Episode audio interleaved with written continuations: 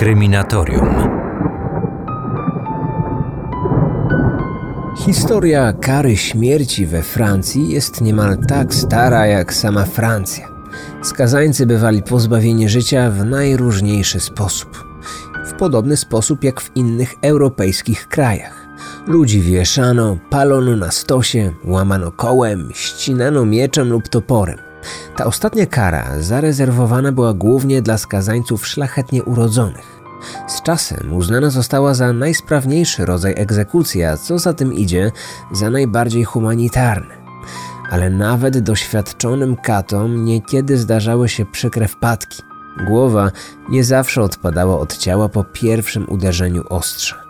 Czasami cięcie trzeba było powtarzać nawet kilka razy, a to z humanitarnym pozbawianiem życia skazańca nie miało już zbyt wiele wspólnego. W czasie rewolucji francuskiej zapotrzebowanie na sprawne egzekucje wzrosło na tyle, że pojawiła się pilna potrzeba udoskonalenia tej metody. Ale jak zabić zgodnie z prawem w taki sposób, aby zaoszczędzić skazańcowi zarówno hańby, jak i bólu? I żeby posłać go na tamten świat w jak najszybszy możliwy sposób. Pewien polityk zaproponował wykorzystanie mechanicznego urządzenia, które szybko i bez zbędnego cierpienia zetnie człowiekowi głowę. Pomysłodawcą był Joseph Inies Guillotine.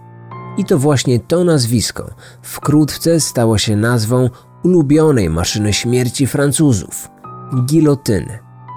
Choć już znacznie wcześniej znano podobne przyrządy, w gilotynie zastosowano pewną technologiczną innowację.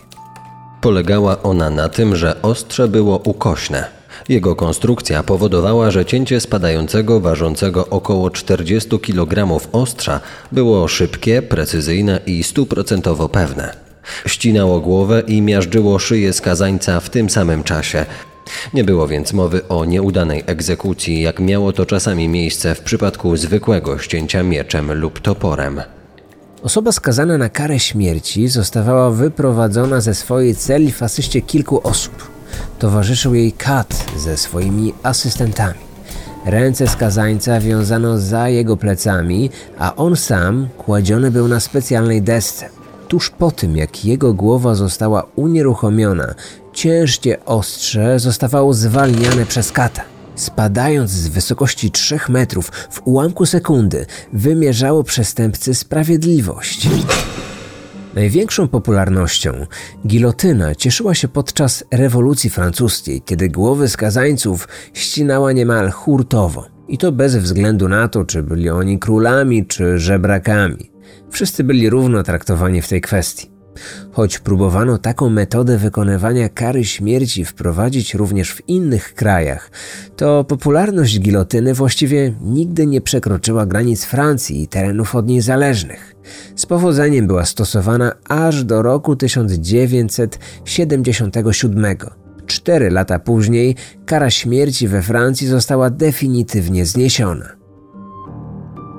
W połowie lat 70. wykonywanie kar śmierci we Francji stało się tematem wielu publicznych debat. Zastanawiano się m.in. nad tym, czy nie jest to zbyt barbarzyński sposób wymierzania sprawiedliwości w tym coraz bardziej liberalnym kraju.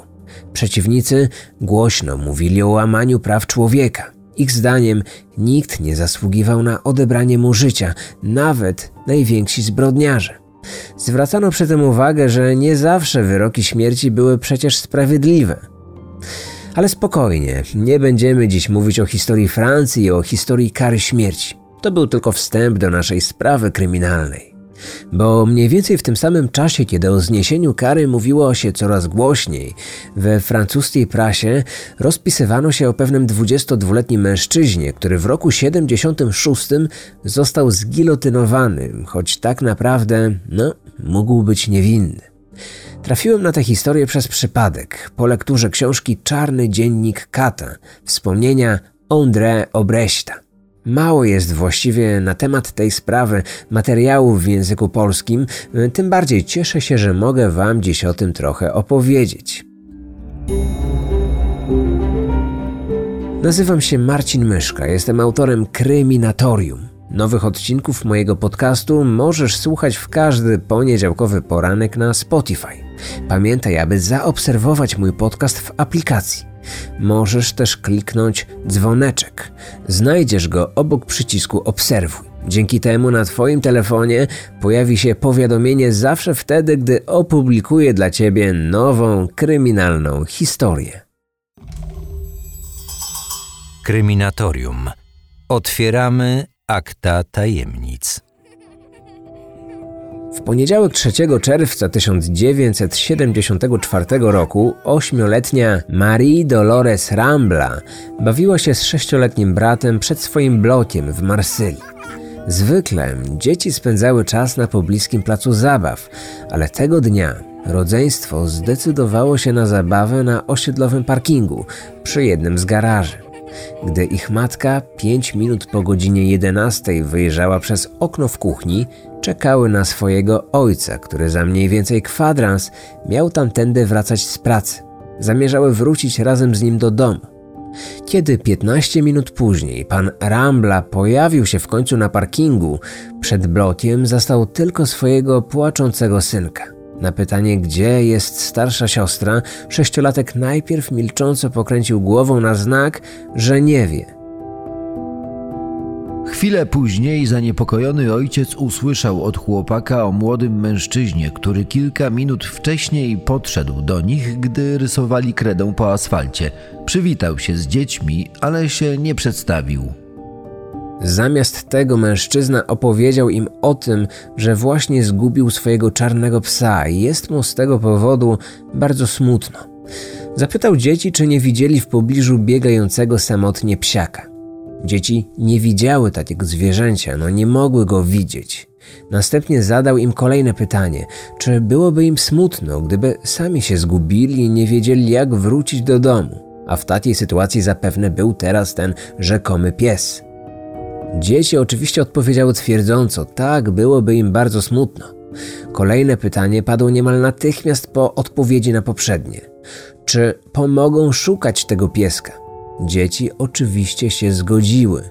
Nie chciały przecież, aby psiakowi było smutno. Nieznajomy uśmiechnął się szeroko. Zapewnił, że teraz to już na pewno znajdzie swojego pupila. Od razu powiedział rodzeństwu, co mają zrobić. Chłopiec miał obejść cały blok dookoła i zajrzeć w każdy możliwy zakamarek. Dziewczynka miała zostać przy mężczyźnie, aby pomóc mu szukać po drugiej stronie parkingu. Dzieci posłusznie rozdzieliły się. Wtedy sześciolatek widział swoją siostrę po raz ostatni. Kilka minut później chłopiec skończył szukać i wrócił w miejsce, z którego wcześniej wyruszył, ale ani po siostrze, ani po tym nieznajomym mężczyźnie nie było już żadnego śladu. Zanim nadszedł ojciec, chłopiec próbował jeszcze znaleźć siostrę, ale bezskutecznie. Dziewczynki nigdzie nie było. Przestraszony rozpłakał się. O całej sytuacji opowiedział spotkanemu tacie. Ten najpierw próbował na własną rękę przeczesać całą okolicę. Przez następne dwie godziny zaglądał w każdy kąt, pytał sąsiadów, zaczepiał obcych, ale nikt nie widział ośmiolatki. Nikt nie zwrócił uwagi na cokolwiek podejrzanego. Kwadrans po godzinie 13 przerażony ojciec pojawił się na miejscowym komisariacie policji. Tam złożył zawiadomienie o zaginięciu córki i możliwym porwaniu jej przez tego nieznajomego mężczyznę. Natychmiast rozpoczęły się poszukiwania.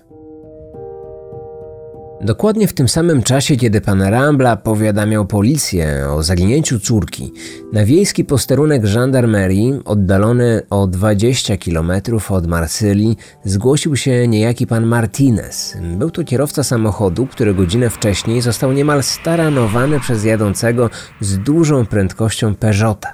Sprawca uciekł z miejsca zdarzenia. Martinez chciał ruszyć w pościg, ale jego uszkodzone auto nie chciało się odpalić. Zatrzymał więc pierwszy nadjeżdżający samochód i poprosił jadącego w nim mężczyznę, aby dogonił Peugeota, na co ten chętnie się zgodził. Po kilku minutach pomocny kierowca wrócił w miejsce wypadku. Kilometr dalej znalazł unieruchomiony w przydrożnym rowie samochód sprawcy wypadku. Gdy do niego dojeżdżał, zobaczył odbiegającego od auta mężczyznę, który trzymając w ręku duży biały pakunek, uciekł w stronę wzgórza pobliskiej farmy pieczarek. Zapisał też numer rejestracyjny uszkodzonego Peugeota, który przekazał później Martinezowi. Godzinę później ofierze wypadku udało się w końcu uruchomić samochód. Pojechał we wskazane przez pomocnego kierowcę miejsce, jednak nie znalazł tam ani sprawcy, ani jego auta. Żandarmi sprawdzili numer rejestracyjny Peugeota. Jego właścicielem był 20-letni Christian Ranucci, przedstawiciel handlowy z Nicei. Nigdy nie był karany nawet mandatem drogowym. Zeznania poszkodowanego kierowcy zostały spisane, a sprawa przekazana policji w Nicei. Martinez, rozmawiając z policjantami, całkowicie pominął jednak fakt tajemniczego białego pakunku, z którym uciekał sprawca. Przypomniał sobie o nim dzień później, gdy o porwaniu ośmioletniej dziewczynki z Marsylii poinformowały media w całym kraju. Uznał wtedy, że porwanie dziecka może mieć związek z jego wypadkiem, a pakunek mógł być dosłownie wszystkim, nawet owiniętym w jakieś prześcieradło dzieckiem. O swoich podejrzeniach poinformował policję. Podobnie pomyślał ten pomocny kierowca, który poprzedniego dnia spisał numery rejestracyjne Peugeota. On też powiadomił o tym fakcie odpowiednie służby. Dwa podobne zgłoszenia, dokonane mniej więcej w tym samym czasie, zainteresowały policjantów. Postanowili pojechać na wskazane przez świadków miejsce i dokładnie sprawdzić farmę pieczarek, o której była mowa. Od jej pracowników także usłyszeli o tym tajemniczym mężczyźnie z białym pakunkiem. Miał wbiec na wzgórze i zniknąć w gęstych zaroślach. Mieszkający nieopodal farmy rolnik powiedział nam, że poprzedniego dnia pomógł pewnemu zakrwawionemu człowiekowi, który przedstawił się jako ofiara wypadku. Swoim traktorem wyciągnął uszkodzony samochód z rowu w pobliżu farmy, później widział, jak młodemu mężczyźnie udało się uruchomić silnik i odjechał. Czy białym pakunkiem, o którym wspominało trzech świadków, mogło być porwane dziecko? Tak pomyśleli policjanci, którzy postanowili przeszukać całą okolicę. Pomóc miała im posiadająca psa tropiącego specjalna brygada, którą także wezwano. Jeszcze zanim przybyła pomoc, policjanci w pobliżu farmy odnaleźli czerwony sweter. Były na nim wyraźne ślady krwi. Pies tropiący został podprowadzony do rowu, w którym wcześniej znalazł się uciekający Peugeot. Zwierzę natychmiast złapało trop i pobiegło w stronę wzgórz. 25 minut później dokonano tam makabrycznego odkrycia. Ciało dziewczynki było ukryte w niewielkim dole, przykryte gałęziami. Cała jej twarz była opuchnięta, a czaszka roztrzaskana. Obok znaleziono zakrwawiony kamień, który od razu uznano za narzędzie zbrodni. Poza obrażeniami głowy ofiara miała na swoim ciele liczne rany kłute. Dzień później Christian Ranucci został aresztowany, ale tylko za spowodowanie wypadku i ucieczkę z miejsca zdarzenia. Na jego udział w porwaniu i morderstwie policja nie miała wtedy jeszcze żadnych dowodów. Rozbity Peugeot stał w garażu. Odholowano go do Marsylii i przeszukano. Znaleziono w nim zakrwawione spodnie, nóż, cztery skórzane paski od spodni oraz dwa włosy, z których jeden, wyraźnie kręcony, był bardzo podobny do włosów zamordowanej ośmiolatki. Przesłuchanie Ranucciego zakończyło się późno w nocy. Przyznał się do spowodowania wypadku i ucieczki z miejsca zdarzenia. Wyjaśnił też, dlaczego uciekł. Kiedy spowodowałem wypadek, wpadłem w panikę. Bałem się, że zabiorą mi prawo jazdy, a jest mi ono potrzebne w pracy. Jestem przedstawicielem handlowym i często jeżdżę po okolicy. Gdybym stracił uprawnienia, wyrzuciliby mnie z roboty.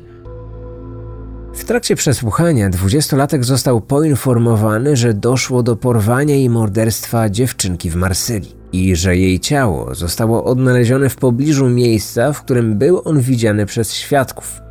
Padło też pytanie, co było tym tajemniczym białym pakunkiem, który podobno miał przy sobie.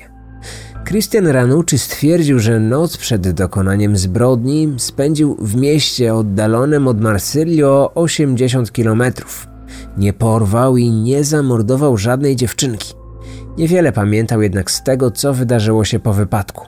Sam moment uderzenia w inny samochód i ucieczkę z miejsca zdarzenia pamiętał, ale nie przypominał sobie, aby zatrzymał się w okolicach farmy pieczarek. Dodał też, że nie miał wtedy w swoim samochodzie żadnego białego pakunku.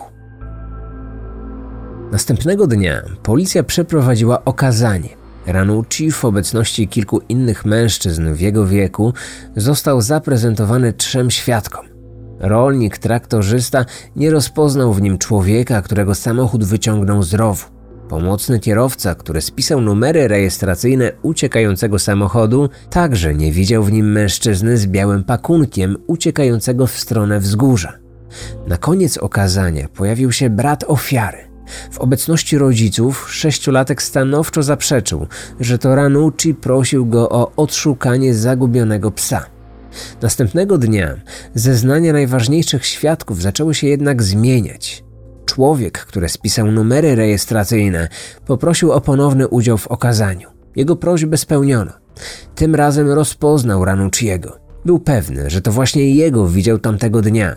Co więcej, zmienił też zdanie na temat tajemniczego pakunku. W trakcie kolejnego przesłuchania dopuścił możliwość, że tym pakunkiem mogło być owinięte w jakąś tkaninę dziecko. Policjanci zaczęli wtedy traktować tego świadka jako osobę hmm, niewiarygodną. Zdaniem śledczych, to, że mogło, nie musiało wcale oznaczać, że tak było.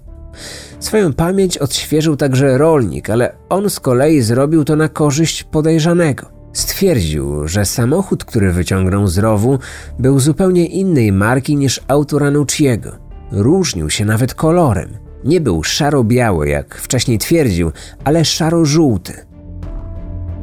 Policjanci znaleźli się w punkcie wyjścia. Nie mieli nic na Ranucciego, poza przeczącymi sobie wzajemnie zeznaniami świadków oraz spisanymi numerami rejestracyjnymi. Czy mogły one zostać zapisane błędnie i tym samym rzucić fałszywe oskarżenie na tego dwudziestolatka? A co jeśli Ranucci pojechał prosto do domu, czego on sam nie pamiętał, po tym jak doznał szoku po wypadku, a przy farmie zatrzymał się prawdziwy morderca? Czy to mógł być zbieg okoliczności? Po dokładnym sprawdzeniu okazało się, że kilka dni wcześniej do policji z Marsylii wpłynęło kilka zgłoszeń o dziwnie zachowującym się niskim mężczyźnie, który zaczepiał bawiące się na placu dzieci. Miał on być ubrany w czerwony sweter. Ranucci zaprzeczył, że ten sweter należał do niego. Co więcej, jego przyjaciele potwierdzili, że dwudziestolatek nienawidził czerwonych ubrań i nigdy ich nie nosił. Poza tym, sweter ten i tak był na niego o wiele za mały. Z kolei włos znaleziony w jego samochodzie okazał się nie należeć do zamordowanej ośmiolatki. Zakrwawione spodnie z samochodu Ranucciego należały co prawda do niego, ale on sam przyznał, że miał je na sobie w chwili wypadku i to jest jego krew. Potwierdziły to później badania. Na zabezpieczonym nożu nie znaleziono żadnych śladów krwi. Nie było to więc narzędzie zbrodni. Policjanci postanowili po raz ostatni porozmawiać z Christianem, a następnie zwolnić go z aresztu, żeby na rozprawę o spowodowanie wypadku i ucieczkę mógł on zaczekać we własnym domu. I nagle, tuż przed końcem przesłuchania, podejrzany najpierw się załamał, a chwilę później przyznał się zarówno do porwania, jak i do morderstwa dziewczynki. Ze szczegółami opisał przebieg tych tragicznych wydarzeń. Narysował również dokładną mapę okolicy, skąd miał porwać ośmiolatkę. Opisał nam także narzędzie zbrodni, sprężynowy nóż, którym miał zadawać śmiertelne ciosy. Jeszcze tego samego dnia pojechaliśmy na farmę pieczarek, gdzie po dwóch godzinach za pomocą wykrywacza metalu odnaleźliśmy narzędzie zbrodni. Nóż ten był bardzo podobny do tego, jakim opowiedział policjantom Ranucci. Jednak ku ogromnemu zaskoczeniu nie było na nim odcisków palców Christiana. Przyznanie się do winy było tak naprawdę jedynym dowodem tego morderstwa, jaki posiadała policja. Ale uznano ten dowód na tyle mocny, że Christian Ranucci został oskarżony o porwanie i zabójstwo z premedytacją. Proces Ranucciego rozpoczął się 9 marca 1976 roku. Już na samym początku oskarżony wycofał się ze swojego wcześniejszego przyznania się do winy. Twierdził, że nie pamięta, aby porwał i zabił dziecko. Oskarżył też policję o zmuszanie go do przyznania się do winy. Powołał się na szok i panikę, poprzez którą zaczął naprawdę wierzyć, że mógł być poszukiwanym mordercą. Opowiedział prokuratorowi, że podczas drugiego przesłuchania sam komisarz policji z Marsylii poddawał go torturom. Ranucci zachował przy tym bardzo arogancką postawę, która od samego początku stawiała go w bardzo negatywnym świetle. Do tego doszło późniejsze plątanie się w zeznaniach, które w znacznym stopniu zaprzeczało jego wcześniejszym słowom.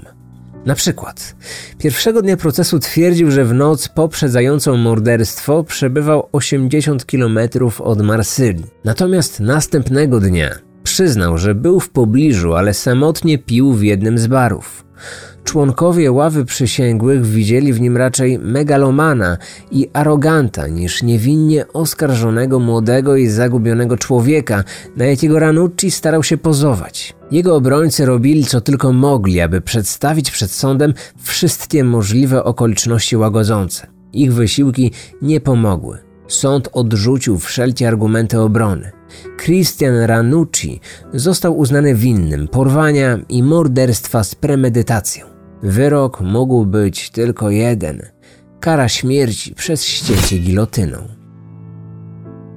Trzy dni później adwokaci skazanego złożyli apelację do Sądu Najwyższego, ale wyrok został podtrzymany. W kwietniu 1976 roku prezydent Francji odrzucił prośbę o ułaskawienie. Było to dosyć niezwykłe, ponieważ jako przeciwnik kary śmierci do tej pory prezydent znany był z tego, że chętnie ułaskawiał osoby skazane na ścięcie gilotyną. Jego argumentację dotyczącą zrezygnowania z prawa łaski w przypadku Christiana Ranucciego przytoczył Jean Kerr w książce Czarny dziennik Kata. Dwie spośród zbrodni są niedopuszczalne: uprowadzenie i morderstwo dziecka oraz przypadek tych, którzy z nieludzką zaciekłością atakują starsze, samotne osoby. Zdaniem prezydenta, Ranucci zdecydowanie zaliczał się do tej pierwszej kategorii osób, od których Francję może wybawić tylko ostrze gilotyny. O świcie 28 lipca 1976 roku wszystko było gotowe do przeprowadzenia egzekucji. Strażnicy więzienni przez dwa lata chronili Ranucciego przed możliwą agresją ze strony innych więźniów, którzy mieli w zwyczaju wymierzać mordercom dzieci sprawiedliwość na własną rękę. W ostatniej drodze skazańca miał mu towarzyszyć André Obrecht, ówczesny główny francuski kat. Jego opis ostatnich chwil życia Ranucciego został przedstawiony w książce Czarny dziennik kata.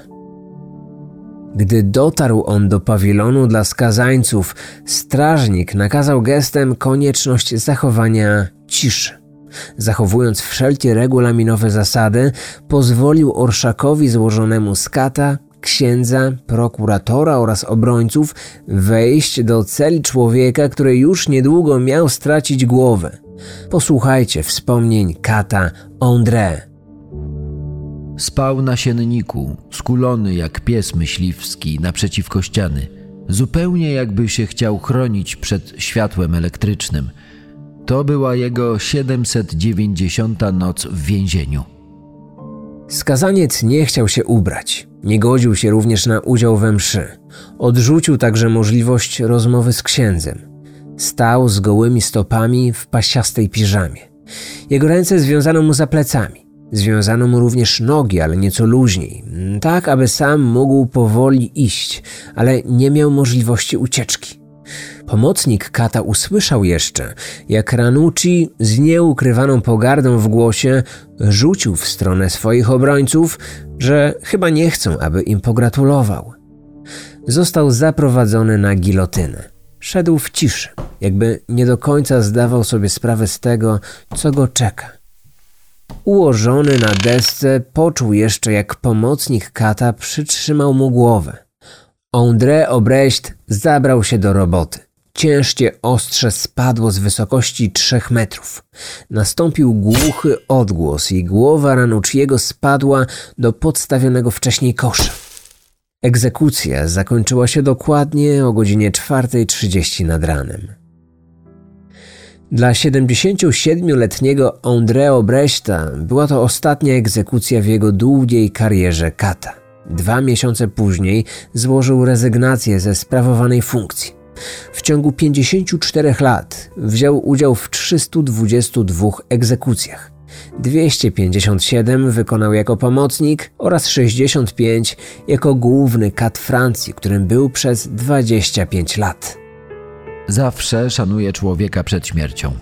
Odkładałem głowę do kosza, gdzie wpadało ciało. Nie upadało ono na podłogę, jak to opisywano. Myłem twarz skazańców. To ja towarzyszyłem skazanym po śmierci, żeby złożyć ich ciało do grobu. Układałem zmarłego płasko w trumnie i krzyżowałem mu ręce na piersi. André nie chciał odchodzić na emeryturę.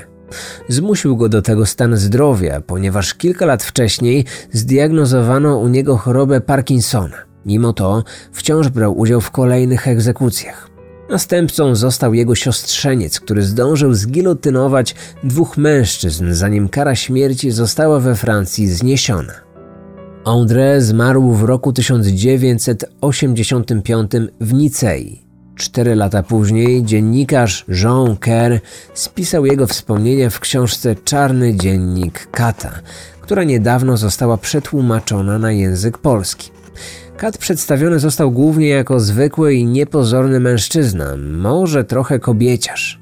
Całkowicie oddany swojej niezwykłej pracy, a przede wszystkim człowiek bardzo samotny z powodu wykonywanego przez siebie zajęcia.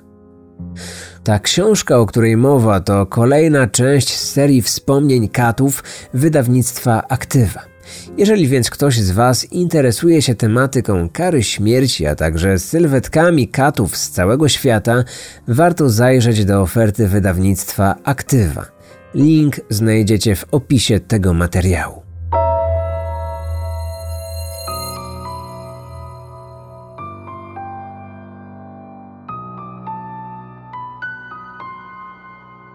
Christian Ranucci, dwa lata po swojej śmierci, także stał się bohaterem książki.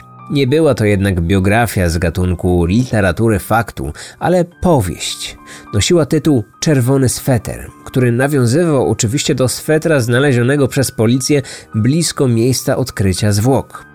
Książka wywołała we Francji wiele kontrowersji, ponieważ przedstawiała Ranucciego jako ofiarę francuskiego wymiaru sprawiedliwości niewinnie straconego człowieka, który swoim bezmyślnym przyznaniem się do winy podpisał na siebie wyrok śmierci. Autor próbował podważyć wszystkie poszlaki wskazujące na Christiana jako sprawcę. Powieść wywołała w kraju ożywioną dyskusję. Wielu czytelników uwierzyło, że Ranucci był niewinny, że został cynicznie wykorzystany przez prawdziwego zabójcę w czerwonym swetrze, który znalazł nieprzytomnego Ranucciego tuż po wypadku, a następnie wszystko upozorował tak, aby to właśnie dwudziestolatek stał się głównym podejrzanym. Resztę załatwić mieli sami policjanci, którym zależało na szybkim zamknięciu całej sprawy. Groźbami i torturami zmusili podejrzanego do przyznania się do winy. I tym właśnie dwudziestolatek przesądził swój los. Choć przedstawiciele wymiaru sprawiedliwości uparcie przekonywali o kłamliwym ich zdaniem przekazie książki, powieść narobiła sporego zamieszania. Publiczne dyskusje o konieczności zniesienia kary śmierci zrobiły swoje. W końcu, na wniosek prezydenta Francji, przeważającą większością głosów członków parlamentu, kara śmierci została zniesiona we wrześniu 1981 roku.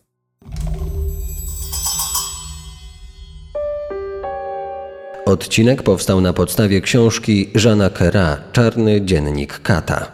Wykorzystano również pracę takich autorów jak Daniel Giroux, Gilles Peru oraz François Montaillou, a także artykuł opublikowany w dzienniku The Observer Sun. Odcinek powstał przy współpracy z wydawnictwem Aktywa.